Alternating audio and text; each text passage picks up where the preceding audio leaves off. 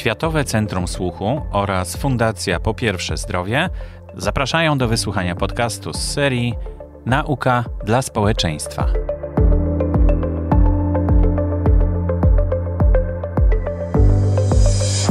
Gościem odcinka jest doktor habilitowana nauk medycznych Monika Ołdak. Jest lekarzem, specjalistą w zakresie genetyki klinicznej i laboratoryjnej genetyki medycznej. Zajmuje się genetycznym i molekularnym podłożem chorób narządów zmysłów i skóry. Od 2014 roku kieruje Zakładem Genetyki w Instytucie Fizjologii i Patologii Słuchu oraz pracuje jako adiunkt w Katedrze i Zakładzie Histologii i Embriologii Warszawskiego Uniwersytetu Medycznego. Obecnie wiodącym obszarem jej zainteresowań jest odkrywanie tła genetycznego niedosłuchu.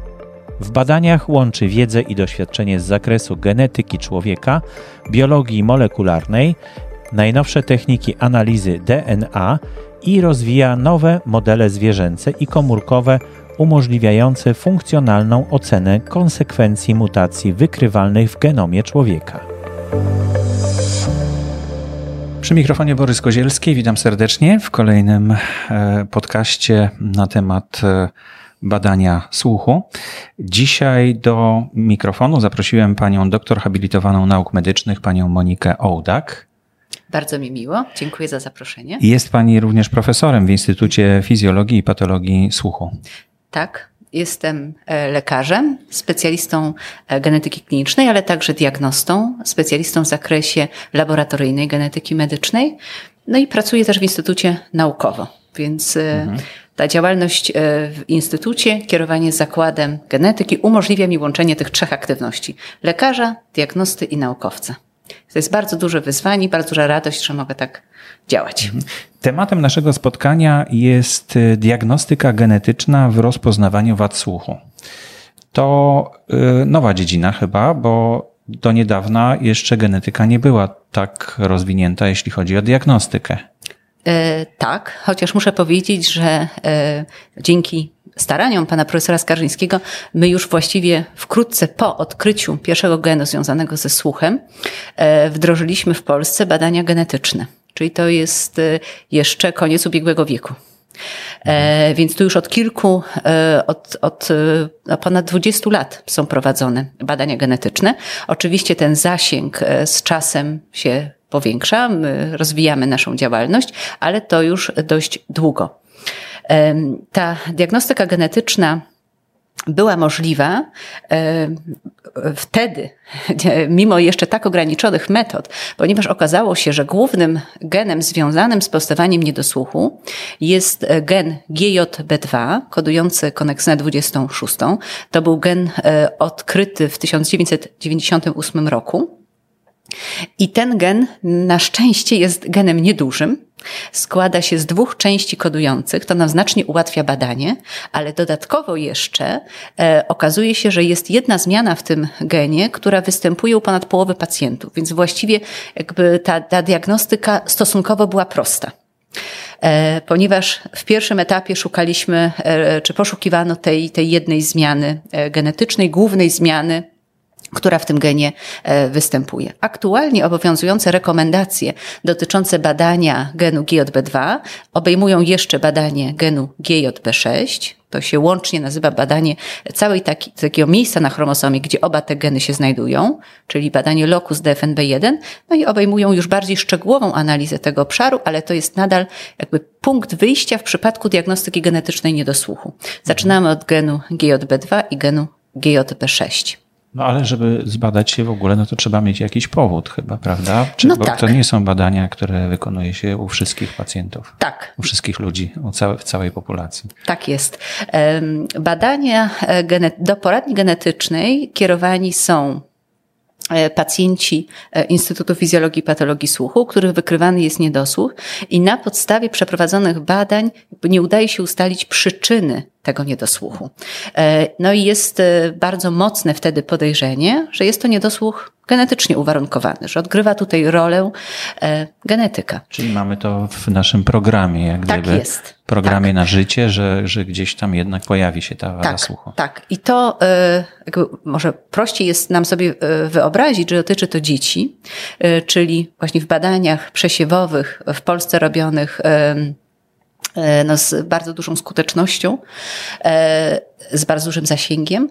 Mm, e, są identyfikowane dzieci, u których są problemy ze słuchem i później one w trakcie diagnostyki są również kierowane do genetyka i przynajmniej u połowy dzieci z wrodzonym dziedzicz, z wrodzonym niedosłuchem wykrywamy przyczyny dziedziczne mhm. i tutaj przynajmniej u połowy, to jest właśnie znowu u tej połowy tych genetycznych przyczyn, to jest ten gen GJB2, e, który jest zaangażowany w powstawanie niedosłuchu. No ale trzeba pamiętać o tym, że nie każdy wrodzony niedosłuch to jest niedosłuch genetycznie uwarunkowany, ale z drugiej strony trzeba też wiedzieć i bardzo często pacjenci, z którymi się spotykają, dziwią się, że niedosłuch genetycznie uwarunkowany może też ujawnić się później w ciągu życia. Nawet niekoniecznie u dzieci, chociaż też tak się dzieje, ale również u osób dorosłych, w trzeciej czy nawet w czwartej dekadzie życia. I to może być niedosłuch e, monogenowy, czyli taki, gdzie uszkodzenie jednego genu już jest tak silne, że będzie wywoływało ten niedosłuch. Mhm. I to są e, tak, takie e, niedosłuchy najczęściej postępującym, o postępującym charakterze,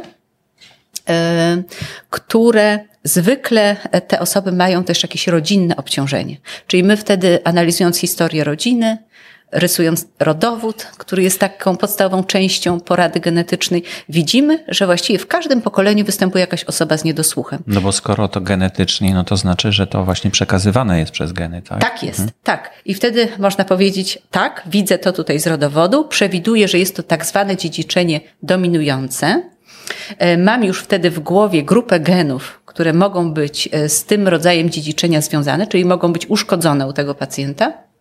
No i tak kierujemy e, diagnostyką. Ale nie może nas zwieść tylko ten pozytywny e, wywiad, czy obciążony wywiad rodzinny w kierunku niedosłuchu. Bo wracając do tych przypadków dzieci z rodzonym niedosłuchem, właściwie ogromna większość to są dzieci w których rodzinach nie występowały wcześniej mhm. przypadki niedosłuchu, bo tu mamy do czynienia z innym rodzajem dziedziczenia, dziedziczeniem recesywnym. Więc rodzice są nosicielami uszkodzonego genu. Mamy dwie kopie, każdy ma swoje geny w dwóch kopiach, więc jeżeli mają rodzice uszkodzoną jedną kopię, drugą mają prawidłowo działającą, to oni sami nie chorują. Natomiast każdy z nich może tą swoją uszkodzoną kopię przekazać potomstwu.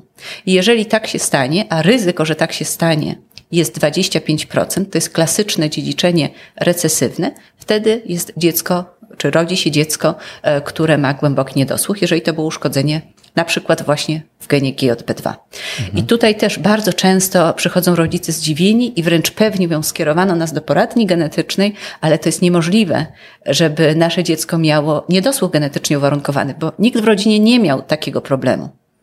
I no ale chyba, chyba musiał mieć kiedyś tam dawno temu, Znaczy mogło prawda? tak nie być, bo to jest dość podstępnie. Mhm. Czyli może tak być, że, przy, e, że nie że przez całe, przypadku Że przez całe mhm. pokolenia, tak, tak, tak, że przez całe pokolenia ten wadliwy gen Omijał. w swojej jednej mhm. kopii występował, czyli ta osoba, która ma jedną uszkodzoną kopię, nie ma objawów, ale spotka partnera, mhm. który też ma jedną uszkodzoną kopię i wtedy jest to 25%, czyli już bardzo wysokie ryzyko posiadania potomstwa z wadą słuchu. Tak, można powiedzieć, takie podstępne jest dziedziczenie recesywne. Bo mhm. rzeczywiście ta najczęstsza zmiana, o której, od której zaczęłam naszą rozmowę, uważa się, że ona powstała e, bardzo, bardzo dawno temu, setki lat temu. E, I w naszej populacji e, jest, w, w polskiej populacji szacujemy, że około 3% osób prawidłowo słyszących, czyli to jest bardzo dużo. 3 na 100 osób, które mijamy na ulicy, nie mają problemów ze słuchem, to są nosiciele takiej mutacji. I mhm. jeżeli dwie takie osoby się spotkają, mają dzieci, wtedy to ryzyko rośnie u nich do 25%, że będzie niedosłuch. No ale też nie determinuje to. Nie, bo 75% mm -hmm. jest szansa, że -hmm. dziecko będzie e, prawidłowo słyszące, ale to jest jakby poważny problem medyczny, bo ta częstość e, nosicielstwa mutacji 3% e, grupuje niedosłuch, czy umieszcza niedosłuch w grupie tych chorób genetycznych, -hmm. które są częste. Mhm. Czy rozumiem, że diagnostyka no jest ważna, żeby właśnie znaleźć przyczynę, ale czy możemy to jakoś leczyć, bo rozumiem, że genetyka, no tutaj już nie przeskoczymy, genów nie naprawimy.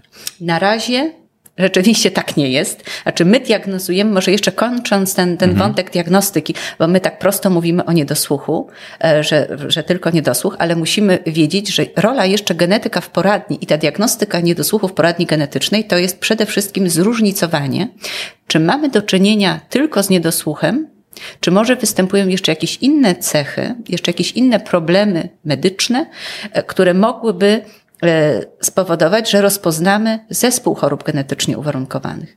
I takich zespołów genetycznie uwarunkowanych, gdzie niedosłuch jest jedną z cech, mhm. jest znanych kilkaset. Czy to przy okazji e, właśnie się wykonuje też te. Znaczy, wykonuje się e, na początku, zbiera się dokładnie wywiad, wykonuje się badanie przedmiotowe pacjenta i mogą być pewne cechy tych zespołów już widoczne w trakcie tej pierwszej wizyty w poradni. Ale czasami tak się zdarza i to jest no bardzo bardzo trudne, że wykonując badanie genetyczne u pacjenta, dopiero na podstawie wyniku genetycznego my widzimy, że niedosłuch to jest dopiero, to jest pierwsza, pierwszy problem, który wystąpił, ale z czasem mogą wystąpić inne choroby mhm. u tego dziecka.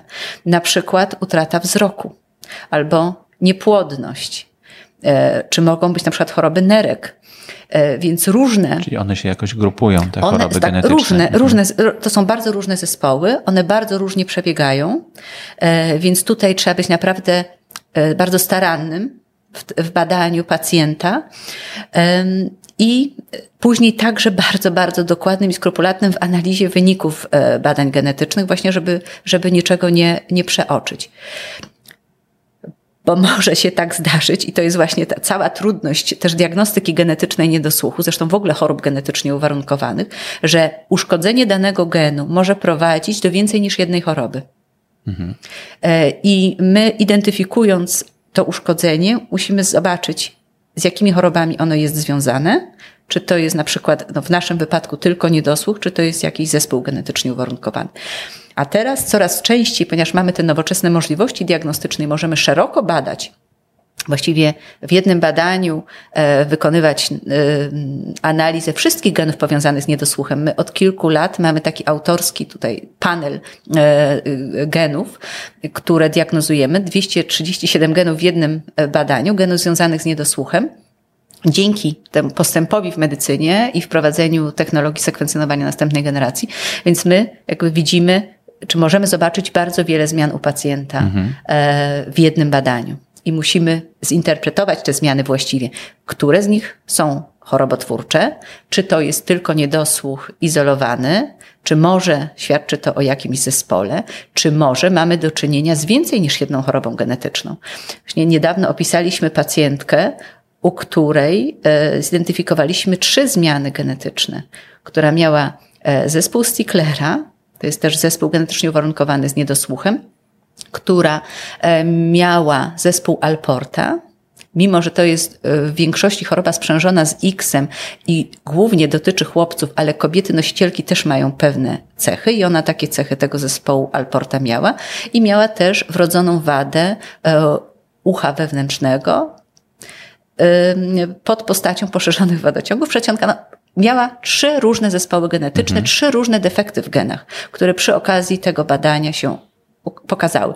Więc, e, no, tak jak mówiłam, trzeba analizować to bardzo starannie. Mhm.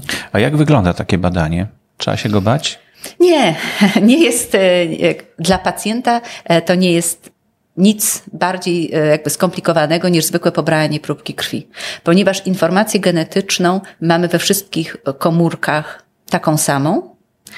E, szczególnie dotyczącą tego jądrowego DNA. Jeżeli będziemy mówili jeszcze o materiale genetycznym, który występuje w mitochondriach, no to sprawa się troszkę bardziej komplikuje, bo tam jest to zależne od tkanek, ale tym, to najprostsze badanie genetyczne, e, pobieramy próbkę krwi, izolujemy materiał genetyczny i my już to dalej analizujemy. Czyli ta cała trudność jest w laboratorium, natomiast dla pacjenta to jest tylko i wyłącznie pobranie próbki krwi obwodowej, tak jak do każdego innego badania biochemicznego czy morfologii krwi.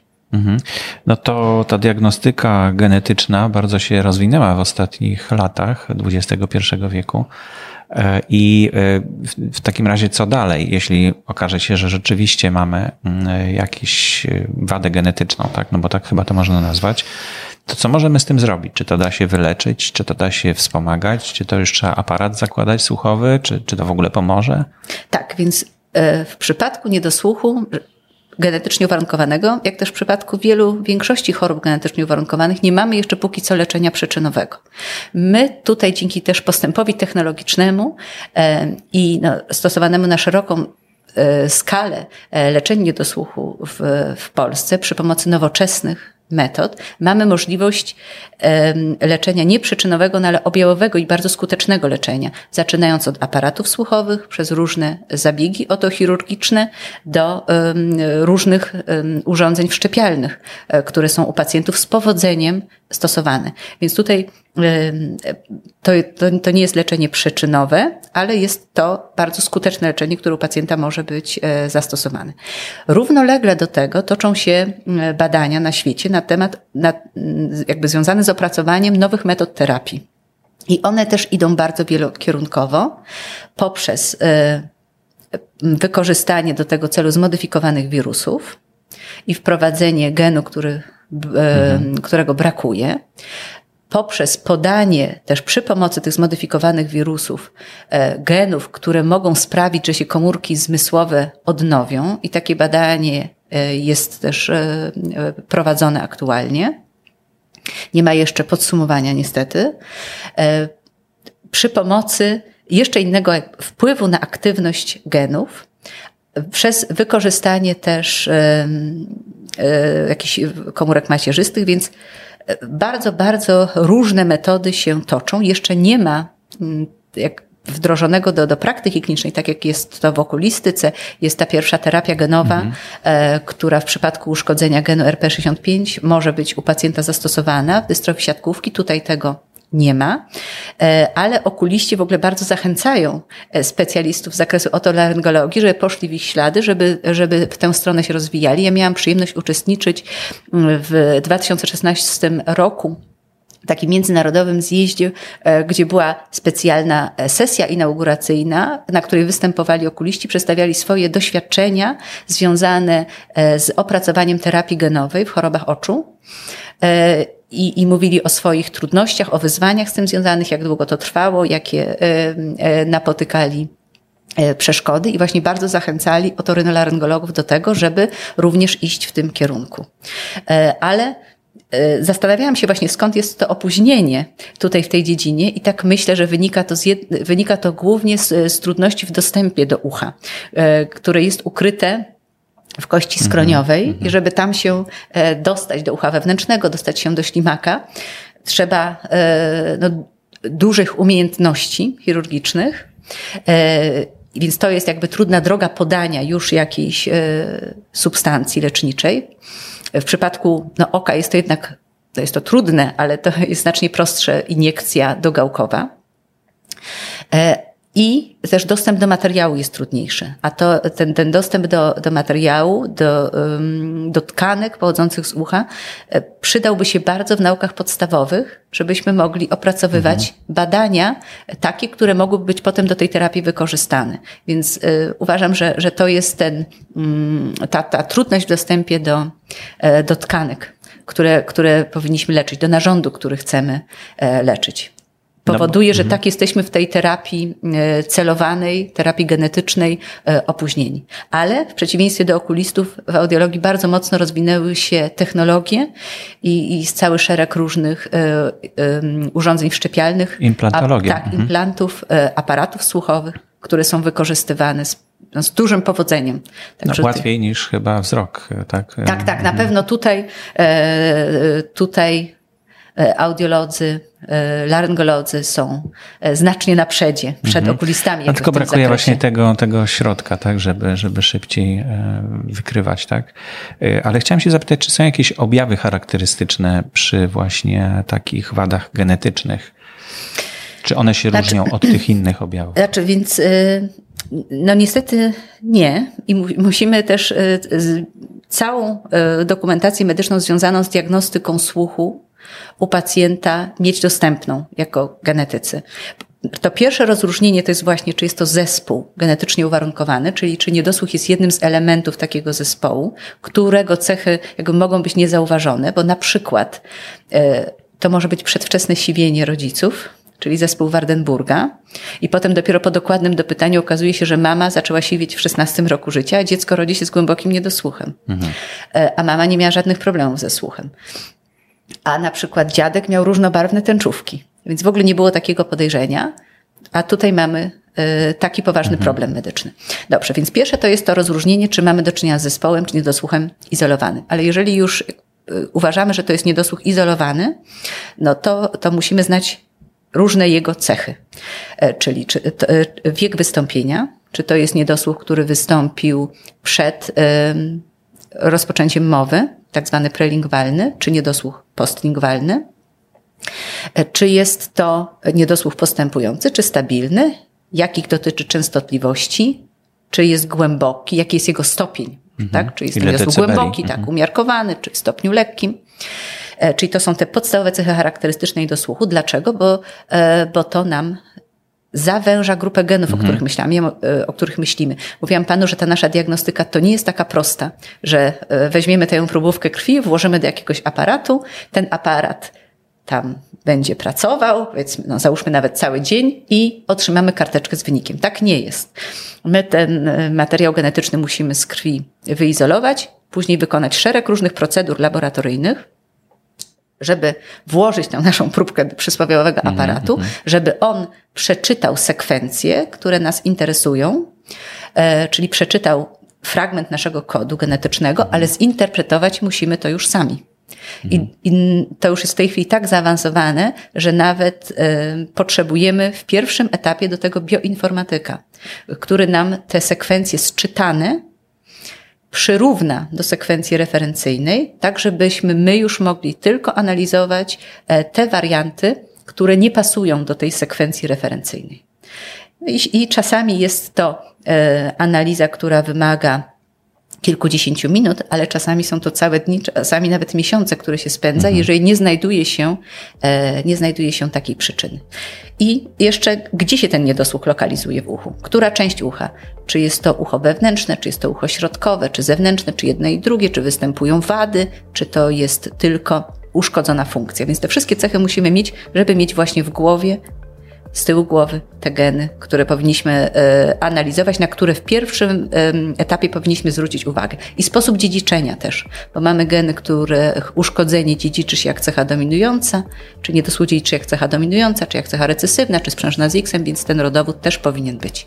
Więc tu jest bardzo ważne połączenie kliniki z badaniami genetycznymi i czasami później też reanaliza kliniczna, bo dostajemy nieoczekiwany wynik z laboratorium, właśnie na przykład jakiś zespół albo kilka zespołów i wtedy wracamy do pacjenta, wracamy do rodziny, musimy dopytać o te szczegóły. Mhm. Pani profesor Monika Ołdak, bardzo dziękuję za ten wykład. Dziękuję bardzo, bardzo było mi miło.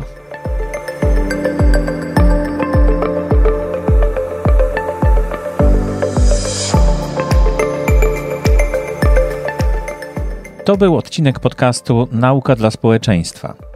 Zapraszamy do kontaktu poprzez e-maila mam pytanie małpa ifps.org.pl.